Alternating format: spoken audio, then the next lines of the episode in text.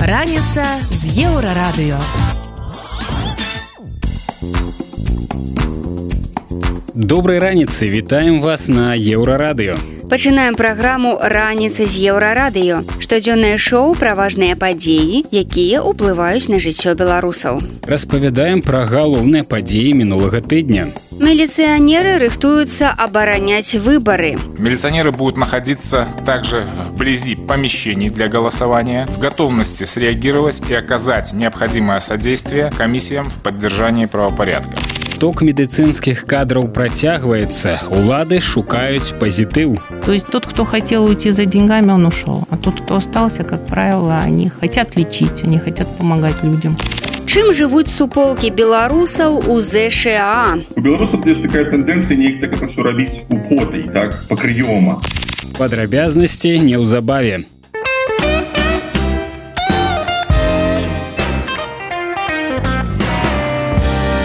Еўрарадыё. Раніца з еўрарадыё. Перадвыбарчая істэрыя ў Беларусі нарастае. Падрыхтоўку вядуць не толькі ідэолагі, якія масава здымаюць ролікі з заклікамі ісці на ўчасткі. Рыхтуюцца і самыя важныя людзі так званай выбарчай кампаніі сілавікі. Для іх выбару Беларусі гарачая пара. Напярэдадні міліцыя справаздачылася пра тое, як яна будзе працаваць у дні галасавання. Яшчэ да пачатку шоу пад назвай адзіны дзень галасавання сілавікоў перад перавядуць на ўзмоцнены рэжым нясення службы а з членамі камісіі зладзяць трэнінгі падчас якіх навучаць рэагаваць на нестандартныя сітуацыі. Відаць вучыць будуць як адбівацца ад народнай любові бо на ўсіх участках усталююць трывожныя кнопкі і камеры відэаназірання. Ды і самі дні галасавання будуць нагадваць ваеннае становішча ў краіне Личный состав органов внутренних дел и внутренних войск будет переведен на усиленный вариант несения службы. Для координации действий органов внутренних дел предусматривается работа оперативно-ситуационных штабов на всех уровнях. Концепция обеспечения безопасности предусматривается круглосуточное несение службы на всех избирательных участках путем выставления постов, нарядов. Милиционеры будут находиться также э, вблизи помещений для голосования, в готовности с среагировать и оказать необходимое содействие комиссиям в поддержании правопорядка. Кроме того, предусмотрены мобильные группы и группы быстрого реагирования полной экипировки. Асабліва старанна сілавікі абяцаюць абараняць членаў выбарчых камісій і пагражаюць усім, хто паспрабуе выказаць прэтэнзію ці за ўвагу пра іх працу. А каб міліцыянеры былі сканцэнтраваныя на гэтай важнай задачы, ім нават знайшлі памочнікаў. Для обеспечения содействия органам внутренних дел будут использоваться потенциал добровольных дружин, ветеранских организаций и потенциал Белорусского республиканского союза молодежи. Представители этих общественных объединений вместе с сотрудниками органов внутренних дел будут обеспечивать охрану правопорядка на прилегающей территории к объектам голосования. Адным словам улады зрабілі ўсё, каб людзі маглі спакойна, ну у кавычках так і свабодна выказаць сваё волеўяўленне. Ну калі натуральна яны увогуле змогуць выйсці з дому ў гэты дзень. Раніца з еўрарадыё.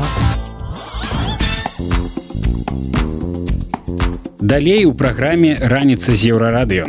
Отток медицинских кадров працягваецца. Улады шукаюць пазітыў. То есть тот, кто хотел уйти за деньгами, он ушел. А тот, кто остался, как правило, они хотят лечить, они хотят помогать людям. Чым жывуць суполкі беларусаў у ЗША. У беларусаў ёсць такая тэндэнцыя неяк так это ўсё рабіць у потай так пакрыёма. Працягнем неўзабаве. Раніца з еўрарадыё.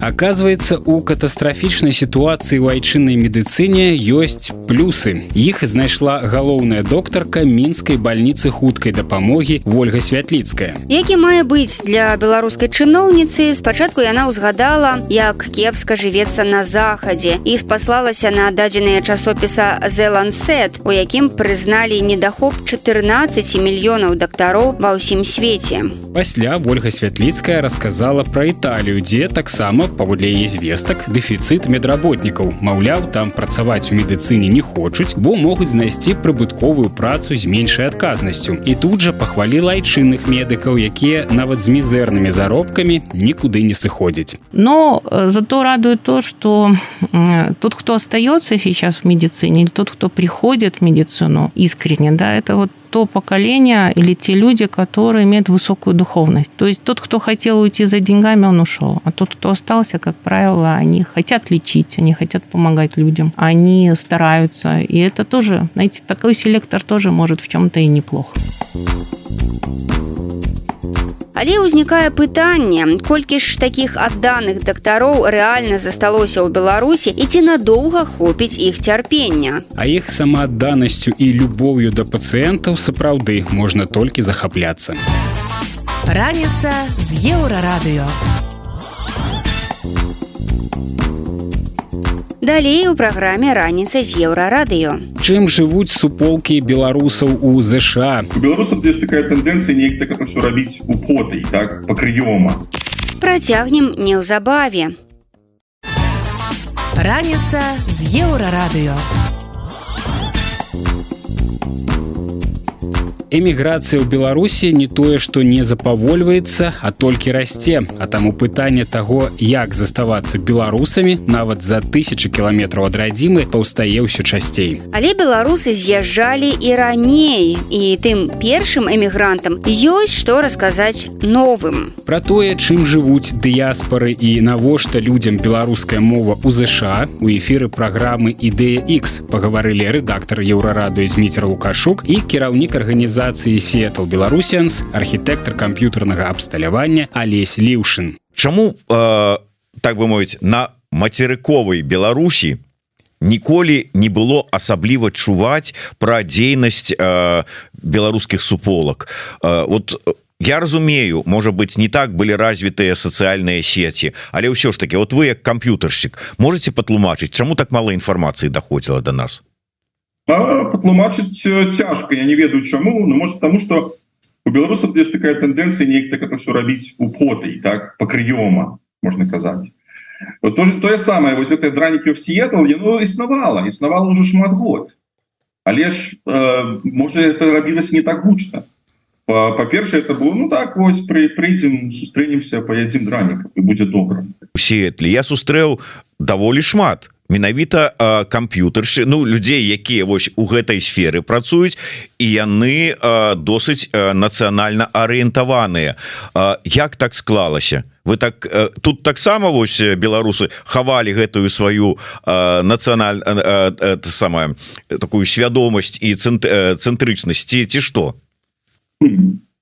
Ну мне цяжка адказваць за ўсіх камп'ютаршчыков танцішніков так я могу толькі можа распавесці свае ну, мою асабістую матывацыю я заўсёды лічыў сябе беларусам сынам беларускай зямлі і сапраўды гэта радзіма. І ну ты можаш належыць толькі адной зямлі где ты ну, дзе ты нарадзіўся. Ты можаш жыць у розных краінах і там тут тебе добра і тут тебе добра.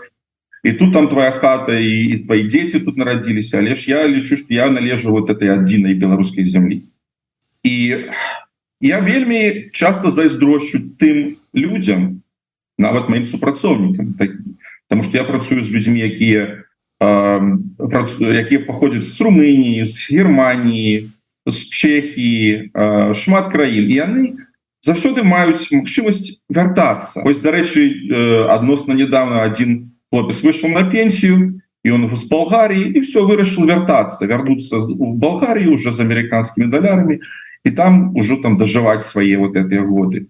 У него есть такая магчымасць а у нас тут магчымасці зараз няма у сённяшніх таких умовах я я нема шчыр кажучы. Это небяспечна. Я не могу вярнуцца на сваю радзіму зараз.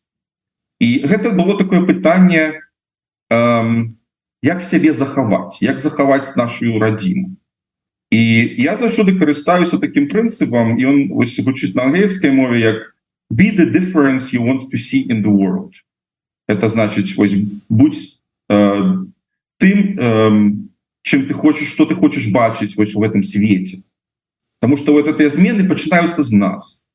І вось таким чынам я до гэтага прыйшоў я так паглядзеў на гэта асабліва пасля того як вот эта война пачалася вельмі так выразна пачал гэта адчуваць на прыкладзе Украіны потому что Украина таксама ну, у чымсьці родная краіна э, моя жонка на палову украінка я наведаваў Украіну некалькі разоў і так вось пачало пачало гэта вельмі так востра адчувацца что это трэба нам трэба неяк захоўваць себя.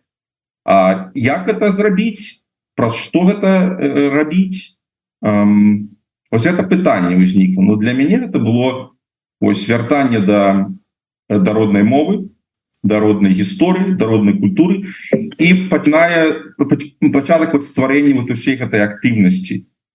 Таму что с аднаго боку вот усе гэтыя людзі якіх мы запрашаем напрыклад ім патрэбна таксама зацікаўленасць наша і наши клопаты і эм, такія вось эм, мерапрыемствы ім вельмі патрэбны і нам это патрэбна таксама потому что мы хотим на наша такая основная можа миссия это прасоўванне распаўсюду э, беларускай мовы беларускай гісторыі потому что вось праз эту мову праз эту гісторыю яна нас вось неяк так абараняе мы лічу э, ну, я лічу что у нечым это правда калі вось вы паглядзіце напрыклад той же самой Украіны вось прыйшлі вызваляць якія землі прыйшлі вызваляць паглядзіце на эти рэгіёны там пераважна была большасць рускамоўных расійскамоўных людзей на ты тэрыторыі дзе рускамоўныя расійскамоўныя людзі былі в меншинстве туды не пайшлі там спынілись все добра Алесь але ўсё ж таки вот это моўны аспект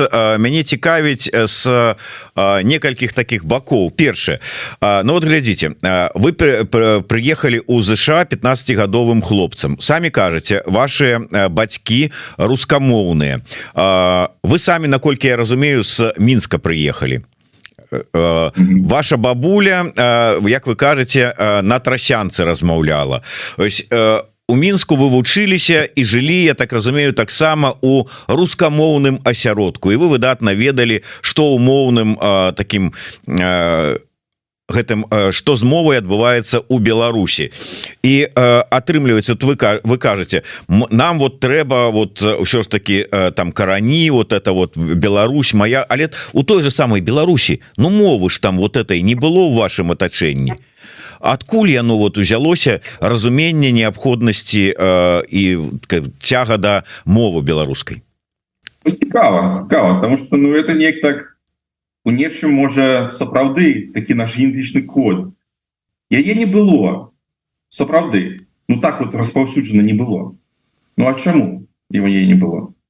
Таму что ўжо цягам ну стагоддзяй можа нават эту мову вынішчалі і спрабавалі вытруціць рознымі спосабамі але ж это вот неяк так было закладзена Ну э, так так это слушна я нарадзіўся ў Мску але ж э, палова моей сям'і она паходзе ну з гомельского палесе я так себе так канарыста лічу на палову палішчуком потому что шмат часу мы э, праводзілі у гомеле новабеліца это было тады тады это не было часткай гомеля это была вось паза гомеля новабеліца і там эта гаворка гучала і там гучала беларуская мова. І я нават помню калі там да мяне вось у вёсцы там хтосьці звяртался ну з тутэйшых так а, ну мне не вельмі падабаецца гэты тэрмін но а, калі вот звярталіся да мяне да беларускай мове я заўсёды спрабаваў на беларускую мову перайсці і мне мне мова заўсёды вельмі падабалась нават нават вось, калі там у хтосьці казал там прымушивали нас там вывучаць эти верш там читать творы мне это просто падабалася вот першы там верш я выучил на беларускі сам захацелася выучыць это. Ну, Конрад крапіва вот ты канаханарысты парсюк там незалежна от того як вы ставитеся до крапівы мне просто это гэтая байка спадабалась я такі вот заўжды запомнил назаўжды і таксама полецкі робінзон я сам читал. Мне падабалася мова і не мне вам во мне это было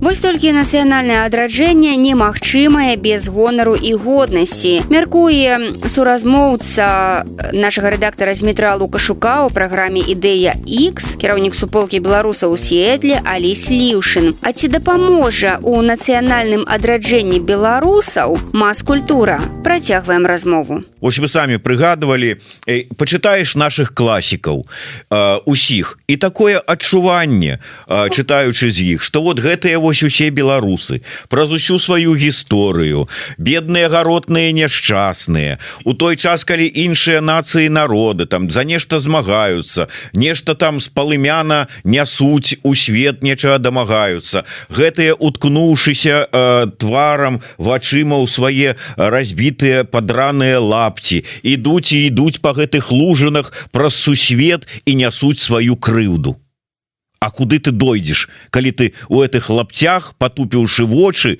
несеш крыўду а не нейкую там гонар годнасцем ці яшчэ что-небудзь А дзе яго взять такой...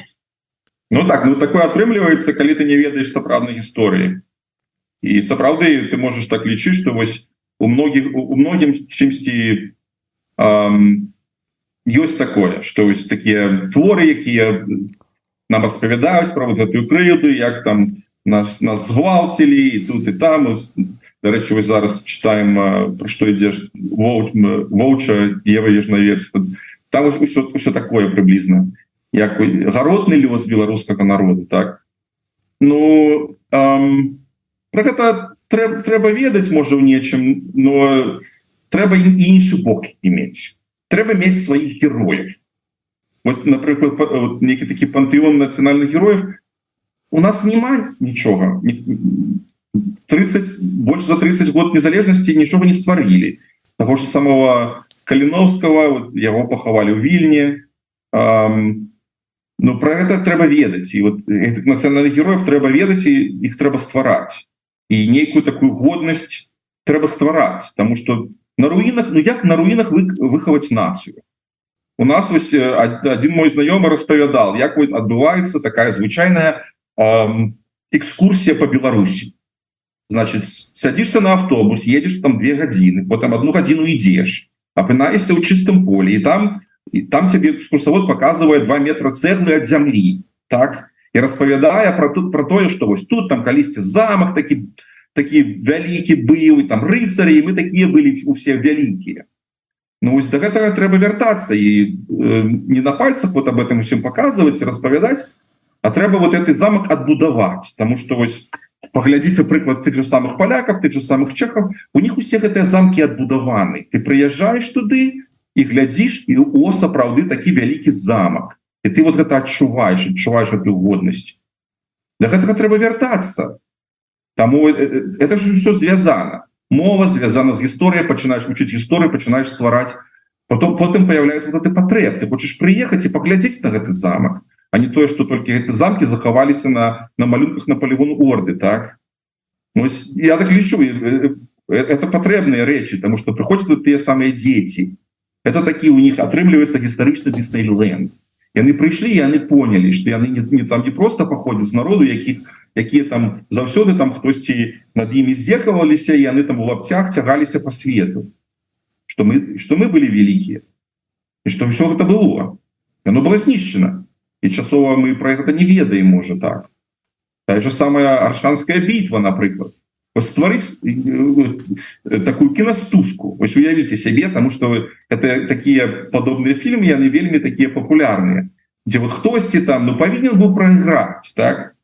То я не я там не не, не памятаю дакладна якія там былі сілы но мне мне здавалася 4 до аднаго было при аршанской бітве калі беларускія сілы ну сілы великках княска літовская перамаглі перад маскалём ну, такі фільм зрабіць вот як як беларускае войска тады негледзячы на ўсё перамагло і вось на, на, на таком трэба выхоўваць нацыю. Цалкам згодны.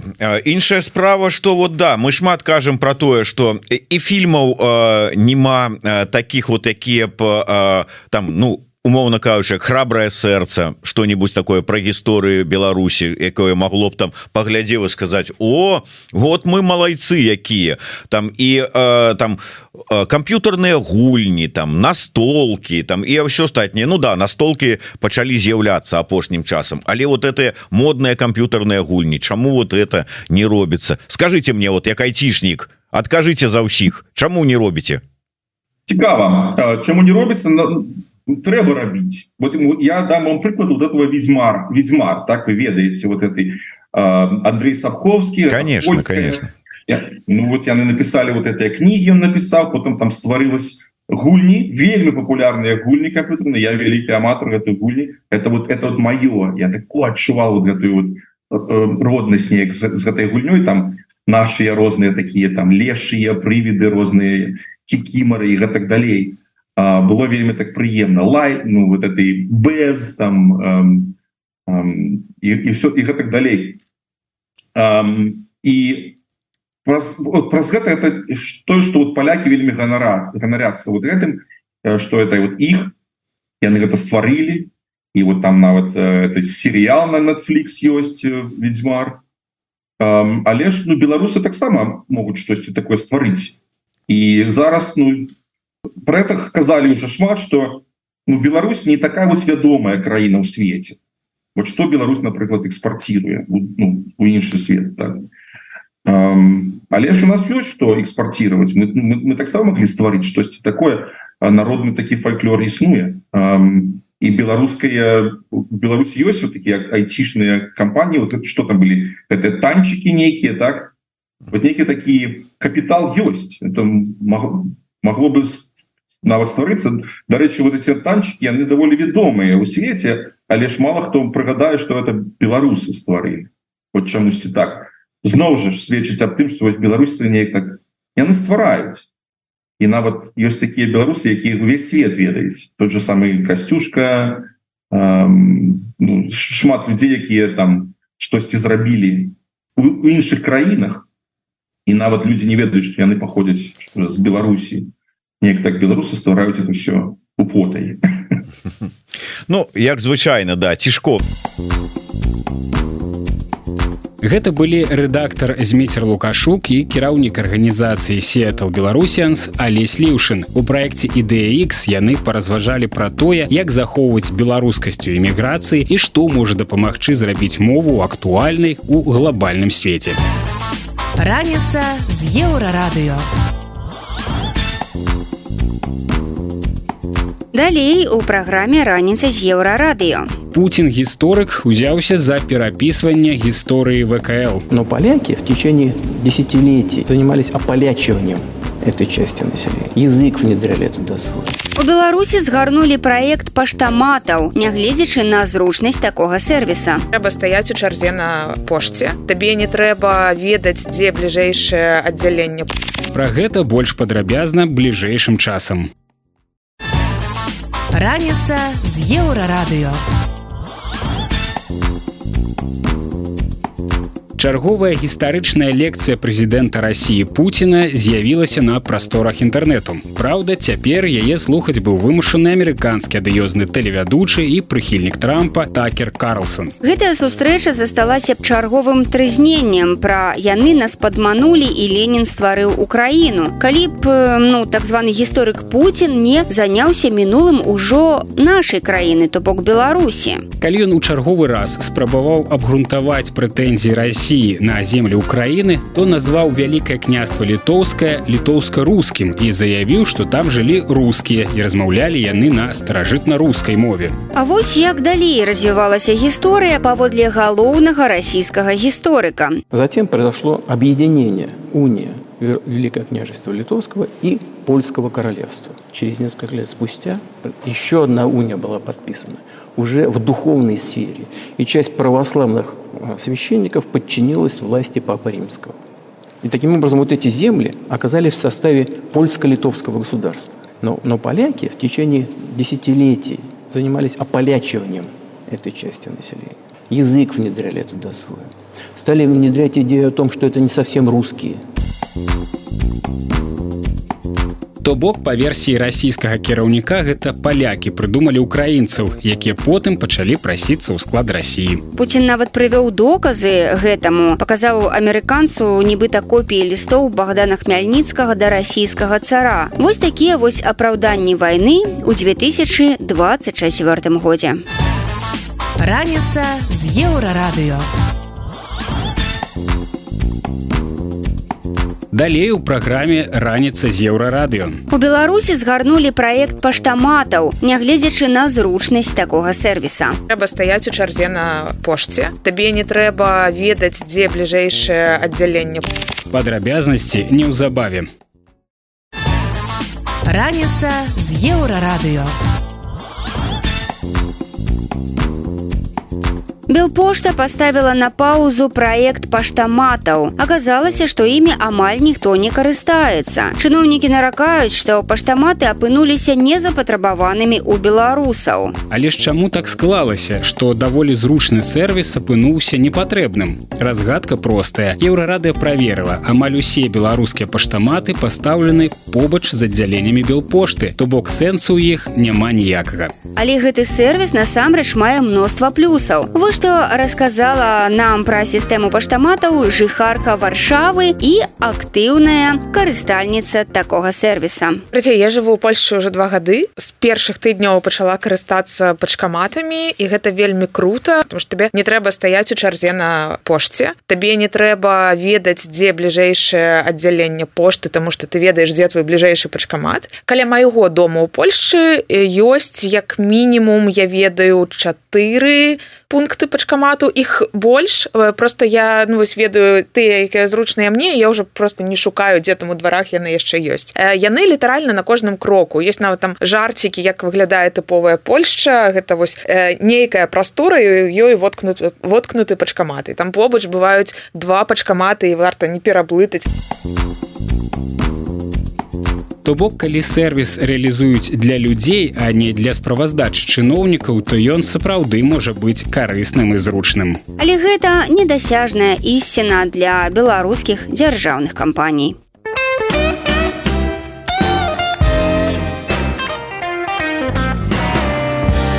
Еўрарадыё. Раніца з еўрарадыё хутка працягнецца. Вас чакае яшчэ шмат цікавага, не пераключайцеся. Раніца з еўрарадыё. Вітаем на еўрарадыё і працягваем ранішні эфір. Вы па-ранейшаму слухаеце раніцу з еўрарадыё. Інфармацыйнае шоу пра важныя падзеі, якімі жывуць беларусы і іншы свет. І вось што цікавага мы распавядзем далей. Ці магчымыя новыя пратэсты ў Беларусі? Пассионарный класс, он составляет порядка 1 миллиона человек. Што можа чакаць сям'ю Лукашэнкі пасля яго адыходу ад улады? Коля а, является еще очень молодым человеком, и а, соперников будет достаточно много, в том числе и внутри семьи. Эканамічныя вынікі тыдня ў рубрыцы «Хау-матч». Дверь открыта, уходите. Пра гэта ды іншае больш падрабязна цягам бліжэйшай гадзіны.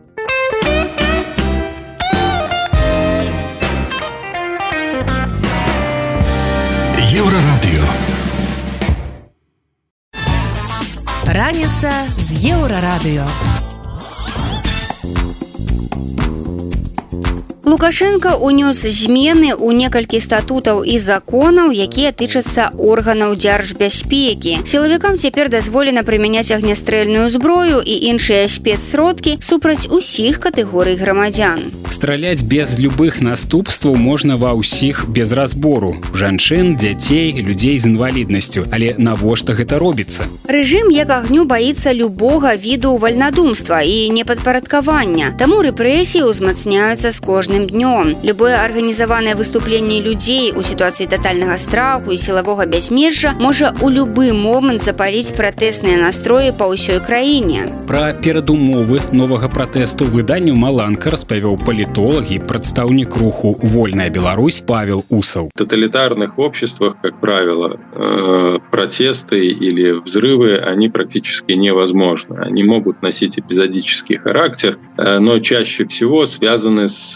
э, резким Э, катастрофическим ухудшением социально-экономического состояния граждан. Э, когда есть нечего, когда полки пустые, когда зарплаты не дают, когда требуют неизвестно чего, создается вот серьезное напряжение. И, например, такие взрывы, спровоцированные ошибочной социально-экономической политикой, например, в тоталитарных системах советских, они были. Там и в Польше были, и в Германии были, даже в Советском Союзе были, если вспомним э, события в Новочеркасске, по-моему, в 62 году, когда протестуют, когда забастовали заводы. И в Польше такие, и тоже в других социалистических странах такие э, эпизоды были, когда давление, э, осуществляется исключительно давление, Э, которая принуждает людей работать как э, рабов, а каких-то улучшений э,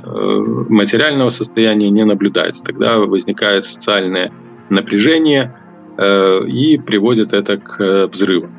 В Беларуси пока таких ухудшений не наблюдается. Да, это нужно принимать во внимание, тоже не нужно тешить себя иллюзиями относительно того, что вот сейчас страну полностью изолируют, э, ведут э, санкции, и экономическое состояние капитальным образом ухудшится. Вряд ли это наступит в силу того, что э, есть огромный э, рынок э, и источник определенной стабильности – это Россия.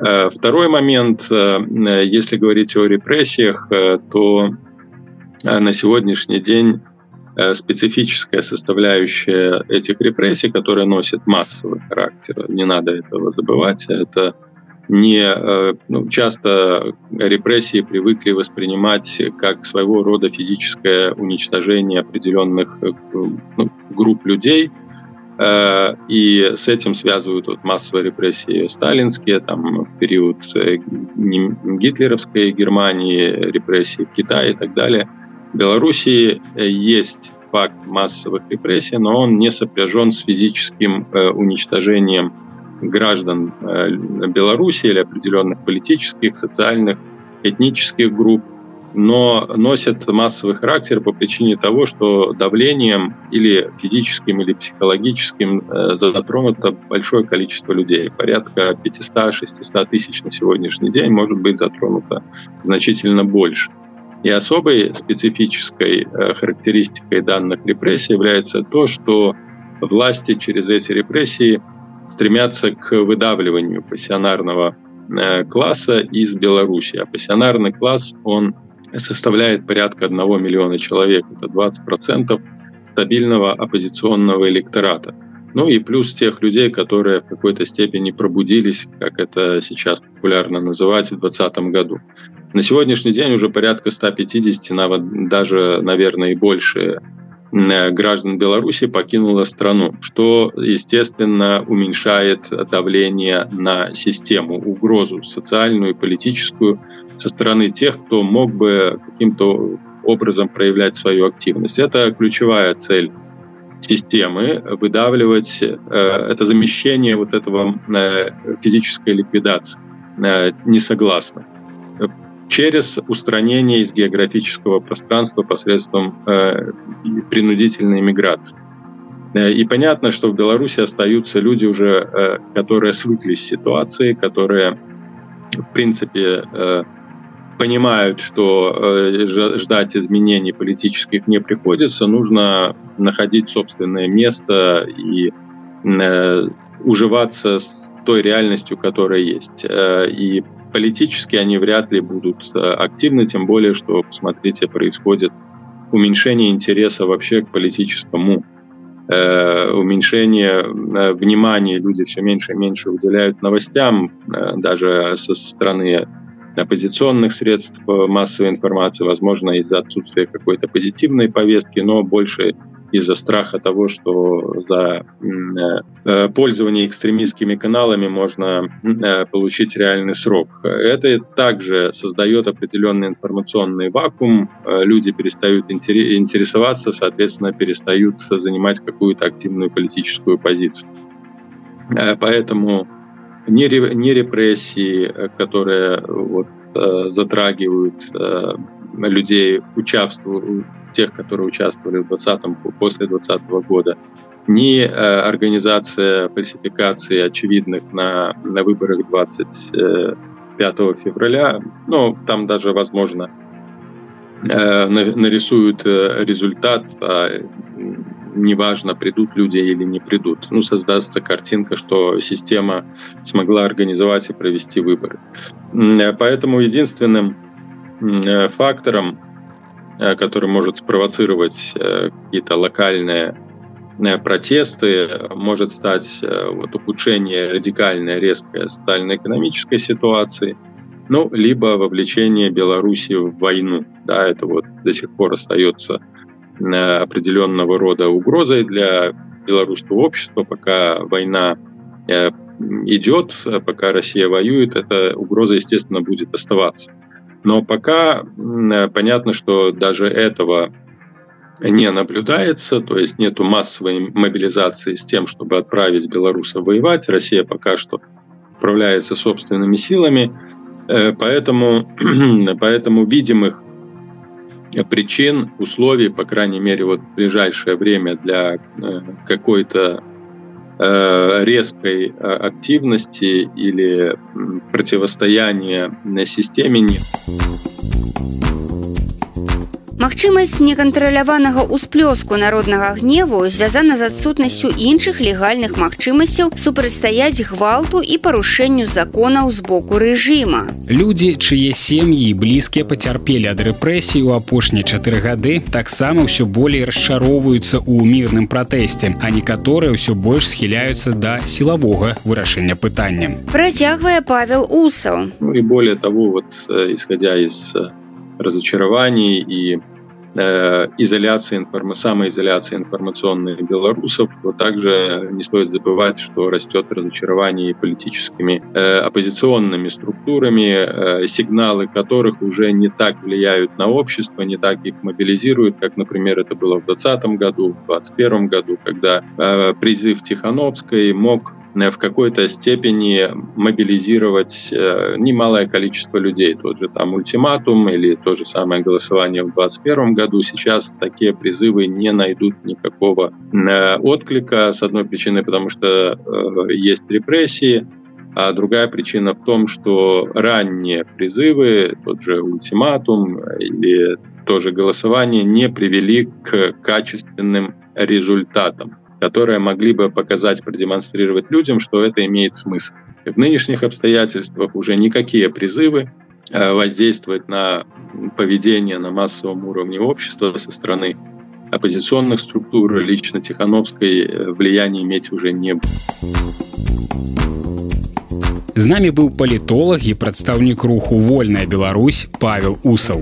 Эксперт распавёў, якія існуюць перадумовы да новага пратэсту супраць беларускага аўтарытарызму і чаму верагодней за ўсё ён будзе мець гвалтоўны характар. Раніца з еўрарадыё.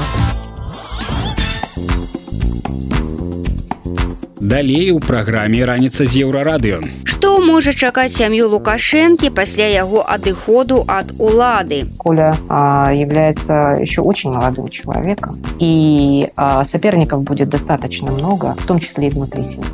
Эканамічныя вынікі тыдня рубрыка хаўмач. Дверь открыта, уходите. Працягнем пасля навінаў спорту.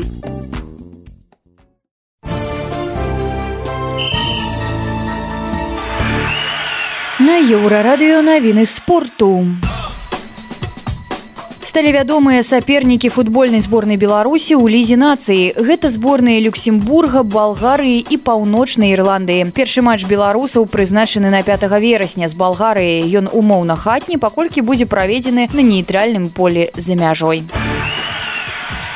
Міжнародная федэрацыя футбола выступіла з тлумачэннем сітуацыі сіняй карткай. Некаторыя спартыўныя выданні паспяшылі паведаміць, што яе пачнуць паказваць арбітры, выдаляючы гульцоў з поля на 10 хвілін. Аднак на топ-узроўнях гэтага не будзе. Пакуль гаворка ідзе толькі пра выпрабаванне новаўвядзення на больш нізкіх узроўнях. Заўзятарам Гонконга вярнуць 50соткаў кошту білетаў з-за адсутнасці на футбольным поле Ліянеля Мэсі. Ён атрымаў пашкоджанне і не прымаў удзел у таварыскай гульні паміж інтэрам Маямі і зборнай Гонконга. 38 тысяч чалавек купілі квіткі за 125 долараў, але змаглі пабачыць легендарнага футбаліста толькі на лаве запасных. У другім тайме яны нават скандавалі, мы хочам Мэсі. Арганізатарам матчу давялося прыносіць свае прабачэнні.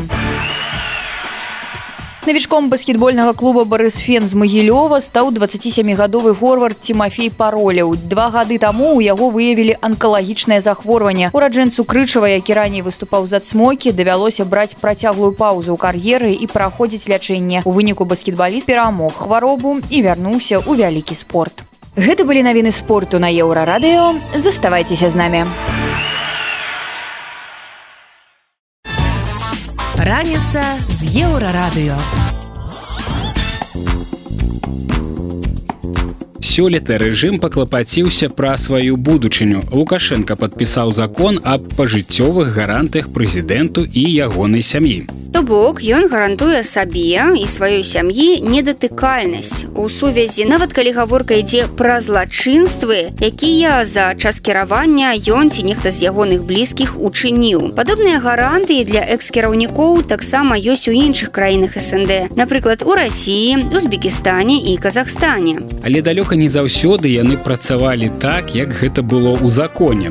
Прасцей сказаць амаль нічога не гарантавалі ні экс-прэзідэнту ні яго сваякам. Што стала з кланамі рустама карымова і нурсултана назарбаева цяжкі лёс экс-аўтакратаў для выдання радыёвабода прыгадвае паліталагіня і кандыдатка гістарычных навук роза турарбекова Нурсултан Назарбаев знаходзіўся ва ўладзе з 1989 году. Ён адзін з кіраўнікоў постсавецкай краіны, які гэтаксама, як і Лукашенко стварыў для сябе гарантыі. Згодна з імі Назарбаю атрымліваў недатыкальнасць, ён не мог быць прыцягнуты да адказнасці за дзеянне, учыненыя ў перыяд выканання ім паўнамоцтваў прэзідэнта. Недатыкальнасць распаўсюдзілі на ўсю маёмасць, якая належыць яму і ягонай сям'і. У 2019 годзе Назарбаю перадаў уладу касым жамарту такаеву, а сам заняў пасаду кіраўніка савету бяспекі. Аднак у пачатку студзеня 2022 году ў краіне ўспыхнулі масавыя пратэсты. Роза Турарбекова лічыць, што да гэтых падзей непасрэдна мае дачыненне клан Назарбаева. Это уже понятно, судя по тому, кто является главным фигурантом дела, да, имеется в виду Масимов, Масимов – это та фигура, которая была очень близка к семье. Э, по всей вероятности, его функция заключалась в том, чтобы все-таки убрать Такаева и привести на а, место президента кого-то из семьи. Некоторые указывают сейчас Доригу. Я не уверена, что речь идет о Дориге. Дорога, я имею в виду старшая дочь Назарбаева, да. А, вот, но неважно, в данном случае уже неважно, этого не случилось. А вот, но что не произойдет э, второй попытки э, какого-то переворота, да, а я в этом не уверена. Я думаю, что возможно, что и будет. А вот тем более, что они понимают, что, что они теряют. Они теряют много, если не все. Пасля задушэння хваляванняў пасадаў пазбавіліся тры зяці Назарбаева. З пасады першага намесніка старшыні камітэту нацыянальнай бяспекі звольнілі пляменніка Назарбаева. У канцы студзеня такаю прыбраў і ранейшага кіраўніка ЦВК, які прыходзіцца сватам дачцэ Назарбаева. Дэпутаты прынялі папраўкі ад адмене яго пажыццёвага старшынства ў савеце бяспекі і асамблеі народу Казахстана. 28 студзеня 2022 году такая зрынуў Назарбаева з пасады лідара партыі Нуратан, а яго дачку прыбралі з палітычнай рады арганізацыі. Вообще вся эта история с э, Казахстаном и с переходным периодом крайне показательная и поучительная, потому что вот это, как это, двоевластие, да, оно до сих пор о себе дает знать. Вроде уже как час, чаш, чаша весов, да, склонилась в сторону Такаева, но Назарбаевский клан, он большой, они еще очень влиятельные. Э, и они э, за все время правления, как клан, да, первую очередь, и как Назарбаев, как сам да, главный глава клана, они в свое время привели во власть и обогатили достаточно большое количество людей, которые им обязаны и на которых у них есть компромат. И с помощью этого, это, это серьезный инструмент, с помощью этого они продолжают еще влиять на ситуацию. Турма, пазбаўленне ўсіх пасад і прывілеяў чакалі і сям'ю прэзідэнта Узбекістана. На 13 гадоў калоніі асудзілі дачку былога прэзідэнта Узбекістана Іслама Карымова пасля яго смерці ў 2016 годзе. Карымаў, як Лукашенко яшчэ ў 2003 годзе стварыў сабе гарантыі, якія б мусілі дзейнічаць пасля яго адстаўкі.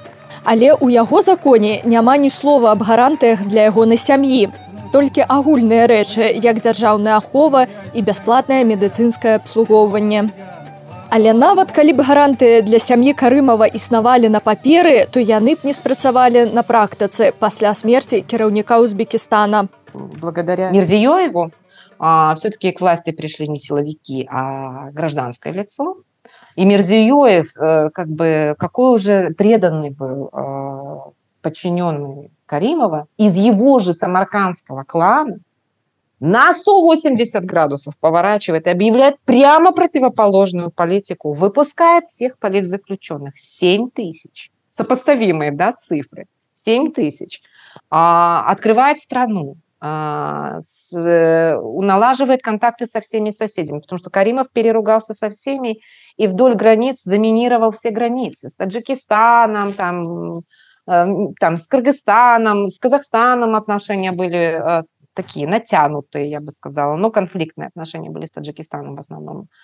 А, вот. И все это прямо на 180 градусов поворот, и все точно, с точностью да наоборот, что делал Каримов, потому что все плохое осталось в Каримовскую эпоху, а все хорошее связано, конечно, с Выпускніца Гарварда Гульнара Карымова пры жыцці бацькі рабіла дыпламатычную кар'еру. Яна была афіцыйнай прадстаўніцай Узбекістана пры Аан.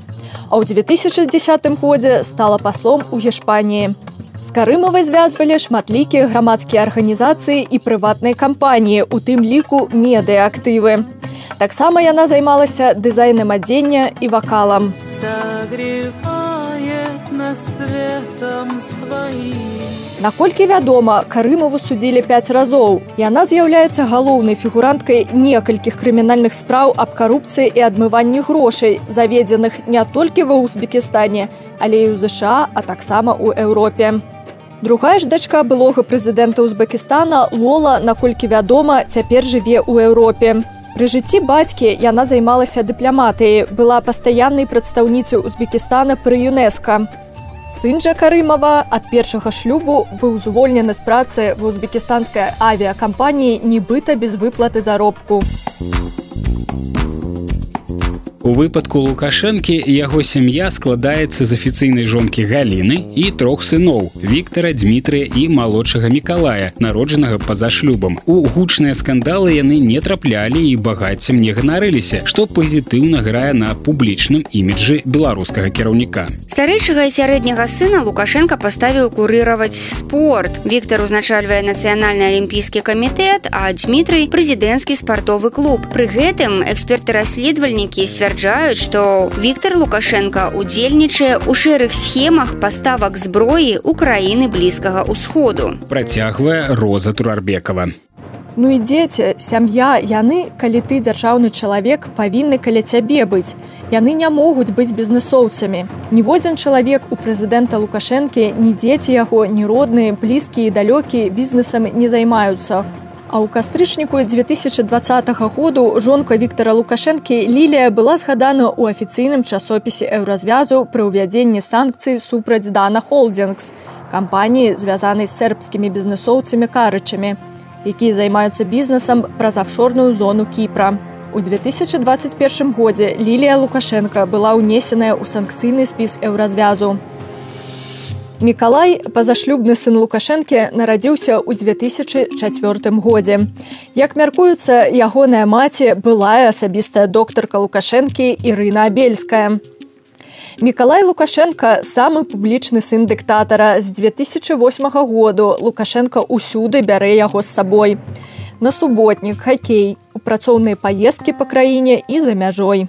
Падчас перамоваў лукашэнкі з прэзідэнтам арменніі ў сакавіку 2009 году мікалай сядзеў у яго на каленях што парушала дыпламатычны этыкет і пратаколы. Нават на сустрэчы з папам рымскім у тым жа годзе лукашенко быў разам з малодшым сынам.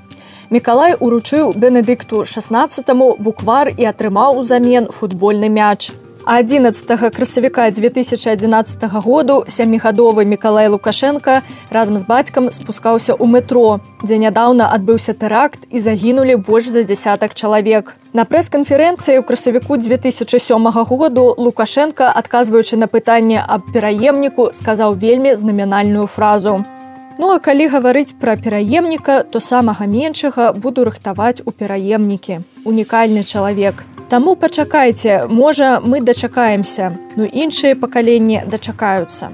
Роза Турарбекова лічыць, што сям'ю Лукашэнкі чакае такая ж будучыня, як і вышэй згаданых кіраўнікоў. Калі яна не адыграе пазітыўнай ролі ў гісторыі Беларусі. Его мышление, оно же достаточно такое, ну, во-первых, э, крестьянское, в хорошем и в плохом понимании этого слова. В хорошем понимании понятно, что он понимает, да, что откуда он и а, что такое земля и прочее. Ну, правда, он больших успехов не достиг в сельском хозяйстве, когда был ну, директором совхоза, кажется, да. А вот. Но в плохом смысле это не очень, а, а, как это сказать, современные представления о том, что такое власть, что такое система, что такое общество – он думает, что если у него как бы все получается и все прогибаются перед его, как он говорит, силой, да, а на самом деле не силой, а насилием, а, вот, а, то так дальше будет. И это, и, это, и это правда, и это истина. Нет, это не истина, нет, это неправда. Но он, я так полагаю, иногда достаточно искренне говорит о том, что вот, ну, как бы намекает нам, да, на то, что Коля будет следующим президентом. Я этого не исключаю потому что, ну, считаю, что его мышление является достаточно невежественным, если не сказать дремучим.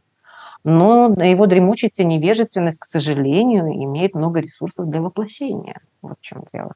Другое дело, что, конечно, Коля а, является еще очень молодым человеком, и а, соперников будет достаточно много, в том числе и внутри семьи.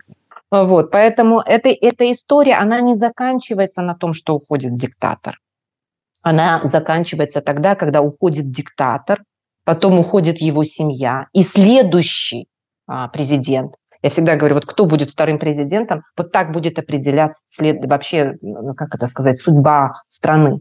Даже не первый президент определяет. Первый президент, понятно, ну, там, основатель, ля-ля-ля, там, как Кемаль Ататюрк, например, да, а, вот. Но второй президент определяет, на самом деле, по какому пути пойдет страна. А еще дальше, то есть третий президент. Вот тогда уже мы с вами будем говорить о том, что это государство, видно, что есть модель, то есть нарабатывается этот механизм передачи власти, что это общество, оно действительно модернизируется и демократизируется, оно идет, ну, условно говоря, в правильном направлении или нет, или в неправильном. белорусской. Гэта была паліталагіня і кандыдатка гістарычных навук Роза Турарбекова. Яна распавяла, як аўтакраты постсавецкай прасторы прапісвалі свае гаранты бяспекі пасля сыходу ад улады і які лёс потым напаткаў іх сваякоў і сем'і. Раніца з еўрарадыё. Далей у праграме раніца з еўрарадыё. Эканамічныя вынікі тыдня, рубрыка Хаўмач. Дверь открыта, уходите. Працягнем пасля навінаў спорту.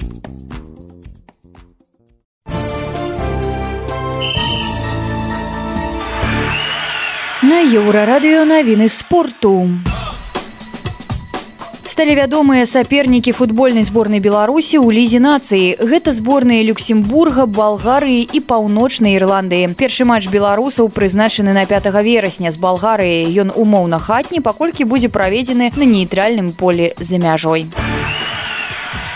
Міжнародная федэрацыя футбола выступила з тлумачэннем сітуацыі з сіняй карткай. Некаторыя спартыўныя выданні паспяшылі паведаміць, што яе пачнуць паказваць арбітры, выдаляючы гульцоў з поля на 10 хвілін. Аднак на топ-узроўнях гэтага не будзе. Пакуль гаворка ідзе толькі пра выпрабаванне новаўвядзення на больш нізкіх узроўнях. Заўзятарам Гонконга вярнуць 50соткаў кошту білетаў з-за адсутнасці на футбольным поле Ліянеля Мэсі. Ён атрымаў пашкоджанне і не прымаў удзел у таварыскай гульні паміж інтэрам Маямі і зборнай Гонконга. 38 тысяч чалавек купілі квіткі за 125 долараў, але змаглі пабачыць легендарнага футбаліста толькі на лаве запасных. У другім тайме яны нават скандавалі: мы хочам Мэсі. Арганізатарам матчу давялося прыносіць свае прабачэнні. Навічком баскетбольнага клуба Барысфен з Магілёва стаў 27гадовы форвард Тимофей пароляў. Два гады таму ў яго выявілі анкалагічнае захворванне. Ураджэнцу крычава, які раней выступаў за цмокі, давялося браць працяглую паузу ў кар'еры і праходзіць лячэнне. У выніку баскетбаліст перамог хваробу і вярнуўся ў вялікі спорт. Гэта былі навіны спорту на еўрарадыё. Заставайцеся з намі. Раніца з еўрарадыё. Яшчэ раз вернемся да навіны што белпошта адмовілася ад паштаматаў аўтаматызаваных стацыянарных стэндаў са скрынямі дзе можна самастойна забраць не толькі лісты і паштоўкі але і пакупкі з інтэрнэт-крамаў Таму паштаматы прыбяруць бо па меркаванні кіраўніцтва дзяржпрадпрыемства яны не карыстаюцца попытам. Вельмі зручная пазіцыя проста ўзяць і зачыніць патэнцыйна прыбытковы праект, у які ўжо ўкладзены сотні тысяч рублёў бюджэтных грошай. Але ў незапатрабаванасці сервіса кажуць чыноўнікі вінаватыя кліенты, а не само прадпрыемства, якое і не імкнулася развіваць сервіс належным чынам. Ну а іншыя не менш важныя эканамічныя навіны тыдня мы распавядзем вам у традыцыйнай рубрыцы хау-матч матч добрый дзень з вами рубрика хау-матч у якой мы гаворым про асноўныя эканамічныя навіны тыдня. Сёння мы паговорым про тое чаму з беларусі сышоў буйнейшы заходні інвестор якая новая пагроза з'явілася для беларускага экспорту на кітайскі рынок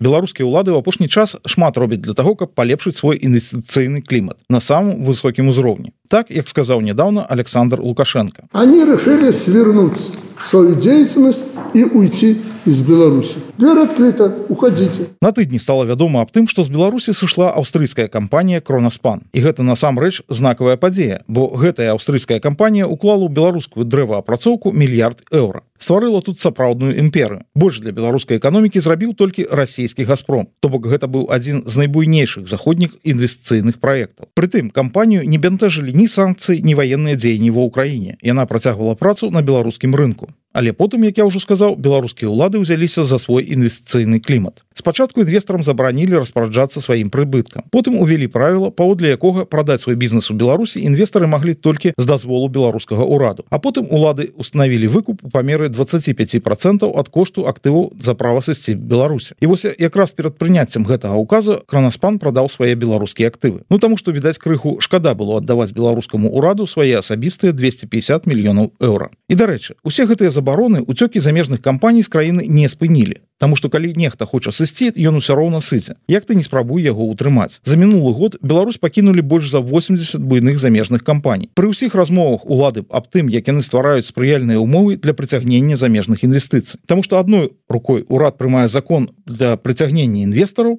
а іншай адціскае уласнасць у тых інвестараў якіх ён ужо успеў прыцягнуць. Сёння інвестарам абяцаюць абарону льготы а заўтра тлумачаць пра прафсаюзныя ячэйкі і як ім правильно займацца БРСМ до сотрудников того же Макдональдса или любой другой иностранной компании. У них должна быть профсоюзная ячейка. Э, приглашать должны на диалоговые площадки э, членов там молодежного парламента БРСМ. Э. Магчыма некаторыя не самыя граблівыя інвестары былі бы не супраць заняться БРСМ дзеля обороны сваіх інвестыцый можа камусьці гэта нават спадабалася але беларускія ўлады стварылі такую атмасферу для бізнесу у якой нават беларускі бізнес не можа доўга выжыць без скафандра. Бо калі дзе-небудзь робіцца не да законаў то не да законаў там робіцца ўсюды а краіна не да законаў не вельмі спрыяльнае асяроддзе што для замежных што для айчынных інвестыцыяў ад беларускага экспорту бяда прыйшла адкуль не чакалі. Адзін з буйных кітайскіх банкаў паведаміў што ён больш не будзе праводзіць разлікі для беларускіх і расійскіх кампаній незалежна ад валюты гэтых разлікаў і платежнай сістэм гэта значыць плаціць за імпорт і атрымліваць грошы за экспорт праз гэты банк не атрымаецца ніяк. І некаторыя расійскія кампаніі ўжо заявілі што ў іх завіслі з-за гэтыя сделкі і загаварылі аб будучым лагістычным калапсе.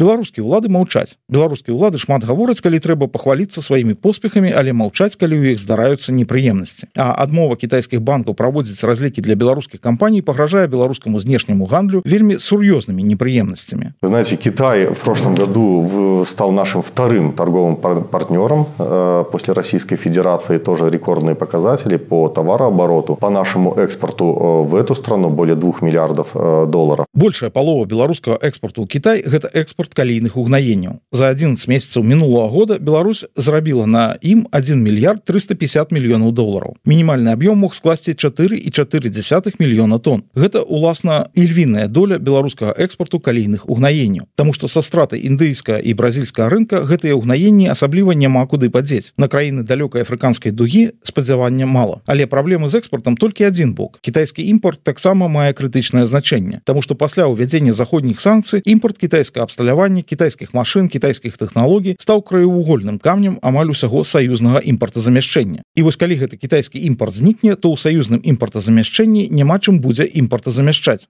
Зразумела, што адзін банк надвор'я не зробіць банка ў Кіаі шмат, але справа ў тым, што рашэнне спыніць абслугоўванне беларускіх расійскіх кампаній гэта не выпадковы капрыс аднаго банка. Насамрэч абмежаванне ўвялі ўжо многія кітайскія банкі. пачалі ўводзіць іх з другой паловы студзеня. Проста гэтыя абмежаванні не былі такімі татальнымі. Недзе ішла размова аб пераходзе на іншыя плацёжныя сістэмы, недзе аб тым, што кітайскія банкі перасталі праводзіць плацяжы ў доларах, але захавалі магчымасць для разлікаў у юаня. Але справа ў тым, што гэтае рашэнне можа стаць проста першай ластаў пастаўкай у снежні прэзідэнт ЗША байден подпісаў указ які значна спрасціў працэдуру увядзення другасных амерыканскіх санкцый супраць банкаў і кампаній іншых краін якія парушаюць ужо уведзеныя санкцыі. І вось менавіта пасля гэта кітайскія а дарэчы яшчэ і турэцкія банкі так заклапаціліся таксічнасцю сваіх беларускіх і расійскіх агентаў. Акрамя абмежаванняў гэтыя банкі сталі патрабаваць ад сваіх кліентаў доказаў што тыя не супрацоўнічаюць з расійскім военно-прамысловым комплексам. Таму хутчэй за ўсё іншыя банкі таксама пойдуць по тым жа шляху Ну нікому ж не хочется нарвацца на лішнія амерыканскія санкцыі нават дзеля беларуска-кітайскага сяброўства Таму што сяброўства вядома усепагоднае але аб'ёмы гандлю Беларусі і Китая складаюць менш за один процент от аб'ёму гандлю Китая і ЗША безумоўна можна будзе знайсці іншыя спосабы. І напэўна гэтыя спосабы будуць знойдзены. Задзейнічаць дробныя кітайскія банкі для якіх амерыканскі рынок не мае значэння або пайсці абыходным шляхам. Не ведаю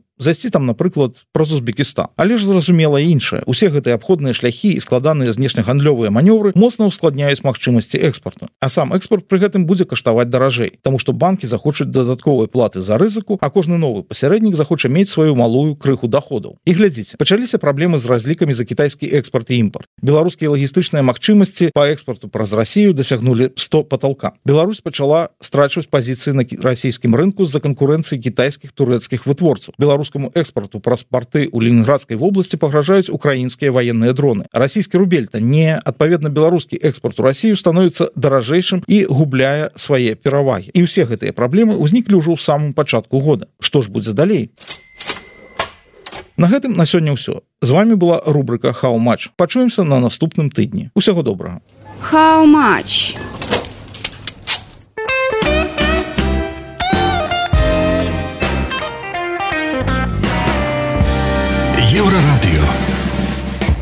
Гэта былі самыя важныя навіны і сэнсы раніцы з еўрарадыё. Заўтра ранкам мы зноў распавядзем пра галоўнае, што адбываецца ў краіне і свеце. Сустракаемся ў той жа час у тым жа месцы. Беражыце сябе. Пачуемся.